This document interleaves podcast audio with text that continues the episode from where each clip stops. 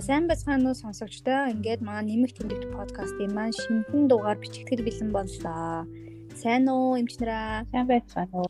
Сайн уу? Орой минь дүгий. Эргээ гуруулаа уулзахад их гоё байна. Таатай байна. Бүгдээрээ ажил тавладаг үстэй. Ажил тавлаг сайхан байна. Ажлаа хийгээл ажил гэр. За, дугрын ажил нь сайн уу? Би ястай ажиг үү? За, За ингээд э, олон юм яриад яг шууд яриалгаа орцгоё. Өнөөдрийн эхний асуудал асуулт болохоор аа суудлын мэдрэлийн өвдөлт гэж юу юм бэ? Шалтгаан юу юм бэ гэд дэлгээгээс асуумаар санагдаж байна. За суудлын мэдрэлийн өвдөлт гэж яриад байдаг те хүмүүс ихвчлэн одоо нөгөө аль нэг талынхаа хөл рүүгээ өгцгнөөсөө хөл хүртлээ дамжиж өгддөг нөгөө энэ нурууны өвдөлт нь дамжилт өгч өвдөж байгаа өвдөлтүүдийг хэлж байгаа. Тэгээд үүний шалтгаан нь бол ерөнхийдөө бүслэгийн нурууны L4-өөс S3 нугалмаануудын хоорондын мэдрэлийн э, судаснуудын дарагдaltaй холбоотойгоор хвчлэн үүсдэг. Хвчлэн цочмог өвдөн гинт өвддөг гэсэн. А тэгээд өмнө бол хвчлэн гурван үндсэн гол шалтгаан байдаг. Нэгдүгээр дискийн буюу нурууны жиргэвчийн эвэрхий өгөөсөн жиргэвчийн эвэрхийнээс үүснээс бол шалтгаалдаг. А хоёрдугаарт бол голчлон нурууны сувгийн нарийсл тэдгээрийн шалтгаан нь нөгөө болов хүмүүсийн насжилттай холбоотой үүсдэг остеоартроз, остеоартрит зэрэг өвчтөний шалтгаантайс бас үүсдэг. А гуравдугаарт бол бас ер нь өвөр зохицлогтой перинформис синдром гэдэг өгцөргийн булчинтай холбоотойгоор бас үүсдэг тийм үндсэн гурван болон шалтгаан байдаг. А тэгээд энэ өвчин маань бол харьцангуй бас тавлын сайтай. Ихэнх одоо зочмог суудлын мэдрэлийн өвдөлттэй өвчтөнгүүд бол ер нь 20-30% нь нэгээс 2 жилийн дараа болон өвдөлт нь үргэлжилсээр байдаг ч гэсэн 70% нь өвдөлт өвдөлт нь 1 жил орчмын хугацаанд хамгийн ихтэй үргэлжлээ. Тэгээд гайгүй болдог. Тэгэхээр хөл дагаж өгсөн болгоно бас нөгөө юу хүндрээ хэвтрийн болдог малдаг гэдэг юм бол бас байдаггүй шүү.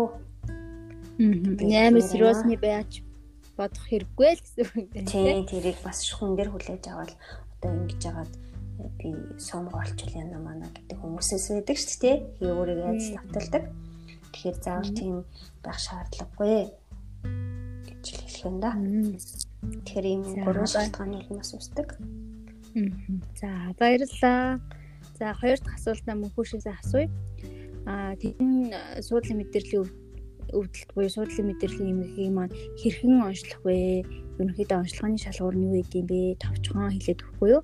За суудлын мэдрэлийн өвдөлтийн яг 100% одоо энэ энэ энэ энэгээр ингэж онцлоно гэсэн тийм 100%-ийн онцлогооны шалгуур байхгүй боловч ерөнхийдөө бол мэдрэлийн эмч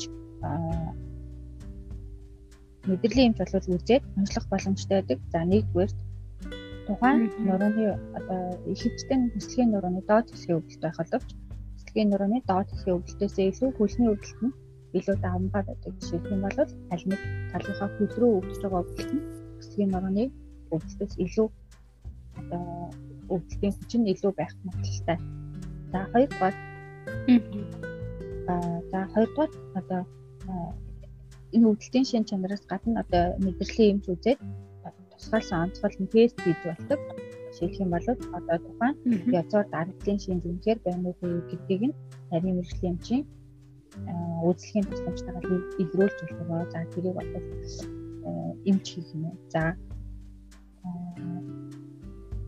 3 дугаар за тухайн одоо мэдрэлийн язгаар буюу судлын мэдрэлийн үйлчлэгээ байгаа нээл 3-аас ээл 4 түвшний аль язгарын дарагдлын шалтгаан байгаагаас шалтгаалan одоо мэдрэхүүн өөрчлөлт үүсэж болдог. За энийг бол судлын мэдрэлийн өвдөлтийг одоо дерматоми өвдөлт гэж бас өсгийн нурууны дерматоми өвдөлт гэж бас зарим хэвлэлүүд бичигдсэн байдаг. Тэгэхээр аа энийг мөн одоо мэдрэлийн нарийн хөгжлийн үзээд за аль хаана дарагдсан байгаа шалтгаалаад хөлний аль гэдэг одоо мэдрэхүүн өөрчлөлт гардаг вэ гэдгийг бас мэддэг байгаа. Тэгэхээр үнийг тусламжтайс онцлох боломжтой. За эдгээрээс хамгийн чухал тест нь бол буцаар дараагийн шинж байна уу юу гэдгийг үздэг. Одоо тийм тест гэдэг аа. Тэгэхээр энэ тестийг бол онцлог боломжтой. Аа харин за хүмүүс одоо нөгөө нурууны нуруу өгсөн хүн болгоно баг толгой дараалал имра хийгээд байдаг. Тэгвэл энэ одоо имра нь бол юм яг энэ хүчнийг бол төгс 100% сонслох онцлогддаг тийм вакцины шинжилгээний арга бол биш үү. Тэгэхээр өөрөө дор нэгэн имра мó одоо компьютер байгаа. Тэгээд эдгээр шинжилгээ хийхээс өмнөдөө очих юм бол илүү үнэтэй. Мм. За. За баярлалаа мөн хүшээ. Э, их ойлгомжтой тодорхой товчхон тог тог гэж хэлжлээ. За 3 дугаар асуултаа дээрээс эргээд асууя. Түрүү хүн дээрээ бас өөрөө цогсон дурдсан. Ерөнхийдөө өвчтний цаашдын тавилан ямар байдаг юм бэ? Талаар мэдээлэл өгөхгүй биднэрт. Аа за. Аа түрүүн бол би тодорхой бас товчхон хэлсэн. Ерөнхийдөө суудлын мэдрэлийн өвдөлтөй хүмүүс тохирсон зөв имчилгээгээ авч чадах юм бол маш тавилан сайтай. Тэгээд энэ маань бас ерөнхийдөө өвчний онш гэж явдаггүй шинж тэмдэг. Аа тэгээд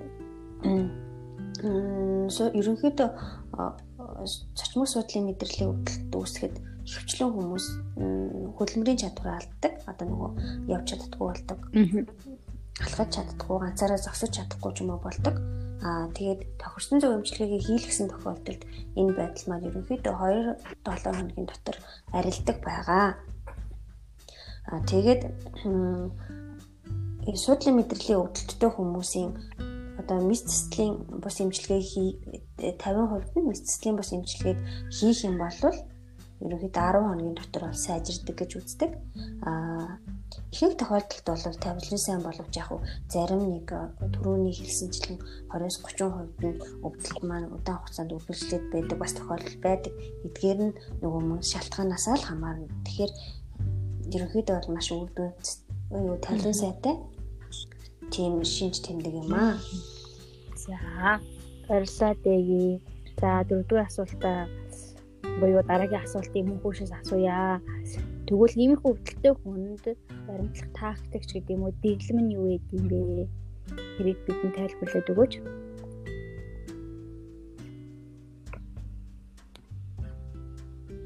Бана мөн хүүшээ. Бана уу?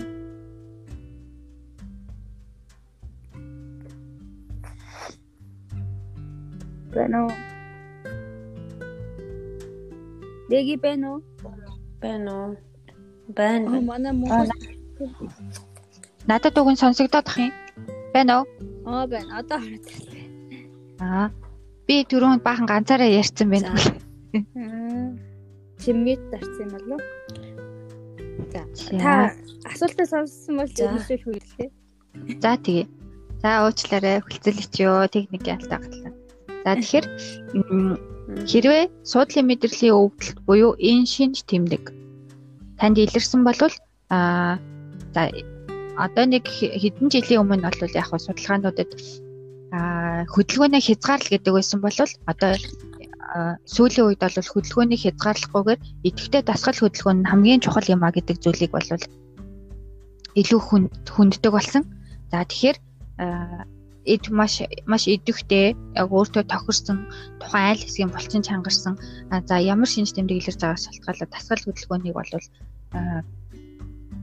маш сайн сэргийн засах хэмжээний зөвлөгөөний дагуу бол хийх шаардлагатай. За нэгдүгээр. За хоёрдугаар за энэ суудлын мэдрэлийн өвдөлтөй хүн болгон бол одоо мистаз хийх ер нь бол шаардлага байдаггүй. Тэгэхээр мистаз хийлгэсний дараа болон дараа 2 3 Инстал хийлгэсний дараа 2 3 жилийн дараах судалгаанууд болон хийснийхээ өмнөдөө болоод зарим тохиолдолд адилхан байгаа гэсэн судалгаанууд байгаад байгаа. Тэгэхээр хамгийн чухал нь бол бид нэр энэ тохиолдолд өвдөлтөө намдах шаардлагатай. Тэгэхээр өвдөлт намдах гол арга нь өсөө идэвхтэй тасгал. Аа онцлог байдлаас шалтгаалаад биеийн жингийн одоо илүүдэлтэй болоод биеийн жингийн илүүдлийг ялгах сонголтын дасгалууд сайн хийх. За тэгээд эмчийн одоо зааврын дагуу өвдөлт намдах менежментийг зөв авах нь хамгийн чухал зүйлээ за. Тэгэхээр өвдөлт намдах менежмент гэдэг бол маш чухал. Ба хүнд ямар зүйлийн ямар өвдөлт байгааг гараад өвдөлт. Тэгэхээр өвдөлт намдаас байгаа хостуулаад сэргийн засах эмчилгээ буюу дасгал хөдөлгөөн нэг босцооч юм бол маш хурдан үйл хөдлөх боломжтой буюу өвдөлтийг намдах боломжтой байгаа. За за. Баярлалаа. Маш гоё тайлбар хэлж өглөө. За. Аа сая бас нэг асуулт бодогдчихлээ л да. Э дунгар хэмжээс асууя. Ерөнхийдөө бүслэгийн нурууны морилт тийм тухай бид хэлж өгөөч. Бид нь яагаад бүслэгийн нурууны морилт үүсдэг вэ? Яавал түүнээс хэлж болох вэ?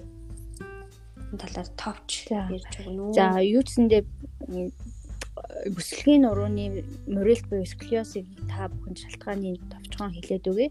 Тэгээ цаашдаа бид нэр энийг тусад нь бас авч ярих гэж бодож байна. За шалтгаан нь бол тийм энэ өөрөө бас айгүй өргөн тийм том өргөн бидний тохиолддог эмгэг гэх юм уу тохиолддог кейсүүд байгаа. За ерөнхийд нэгдүгээр шалтгаан бол хамгийн түрүүнд төрөлхийн гажиг гэж болно. Одоо хөгжлийн гажиг ч юм уу тиймэрхүү байдлаас үүссэн гажигуд гэж болно.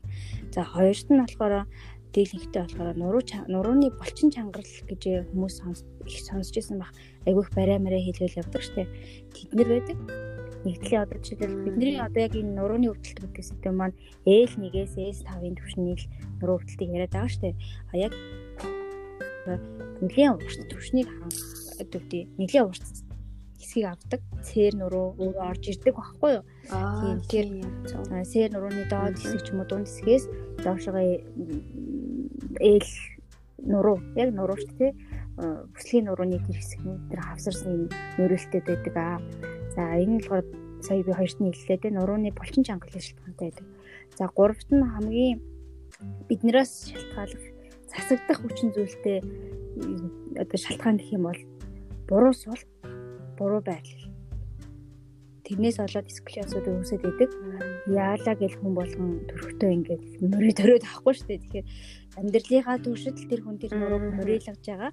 Тэгэхээр буруу суулт буруу хөвшиллүүд байгаа даа гэсэн юм мөрөхтөө өрт бид нэр одоо хар хүнд хүчний ажил гэдэг хүмүүс ч гэсэндээ буруу байрлалаар буруу өргөлт юм хүнийг өргөхөд шууд ингээд жижигхэн трама үүсээд дагаад түүний Э, түүнтэй харгалдаж байгаа бид нурууны булчингуй чангараа чангаад ингээ мөрөл баг багаар үүсэж ихтэй тэр даруйдаа л үүснэ гэж юу маш туйлын хавар юу н байхгүй гэж хэлж байна. Дандаа бид нэр ингээ баг багаар үүсгэж идэх зүйлээ тийм аа. Ер нь нас арих тусмал нуруу. Тий, тэгэхээр чинь бид нар нас арих тусмал баг багаар жижигхэн жижигхэн тийм өөртөө буруу үйлдэл хийгээл нуруугаа мөрөлгöd нэгсэн шүү дээ. Би одоо шууд цэг суулаа. Өдөр тутмын амьдралын хэв маяг л ерөнхийдөө нуруу мөрөлт бол дотроо нурууны өөрчлөлтөнд үүсвэрт. Одоо үсгээр ингээд нэр хэлбэрийг хуваацсан байдаг.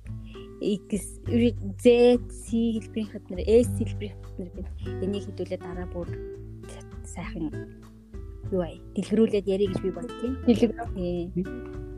Яа. За тэгээд за манай хоёр эмчдийн удаагийн дугаараас сонсогчдоо захиж хэлэх юм уу? Хөөрхөн жижигхэн комент, мессеж байна уу? Тийм за тийм мессеж комент байвал үлдээгээрээ.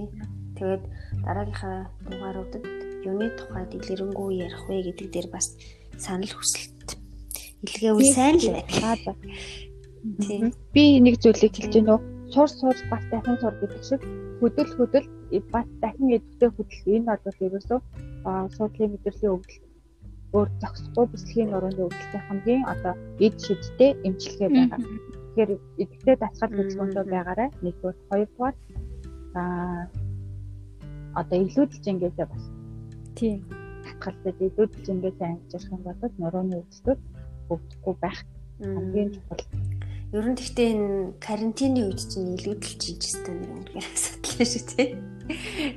12 сарын карантин дээр бас нэлээд харгалчихсан. Яг энэ карантин дээр чинь бас чинь. За тэгээд а ахад нэг зүйл хэлдэг. Тэгэхээр яг энэ суудлын мэдрэлтийн өвдөлт болон нурууны өвдөлтөй хүмүүст одоо нуруу тогтворжуулах дасгал гэсэн ийм бүрхэн жижигхэн ээжүүдтэй дасгалууд байдаг. Тэгэхээр энэ дасгалуудыг бодоод манай Facebook групп руу нэгдэж ороод дасгалуудыг бодоод харах хараад өөрсдөө тогтсон дасгалуудыг хийх боломжтой шүү. Тэгэхээр хэдүүлээ бас энэ дасгалаа групптэй хийчихээ тийм. Яг манай групптэй нэгдээ. Тэгээ тэгээ. Нуруу тогтворжуулах дасгалаа хийгээд нурууны тогтвортой байдлаа хангаарай гэж. Ямар гоё зүйл шүү.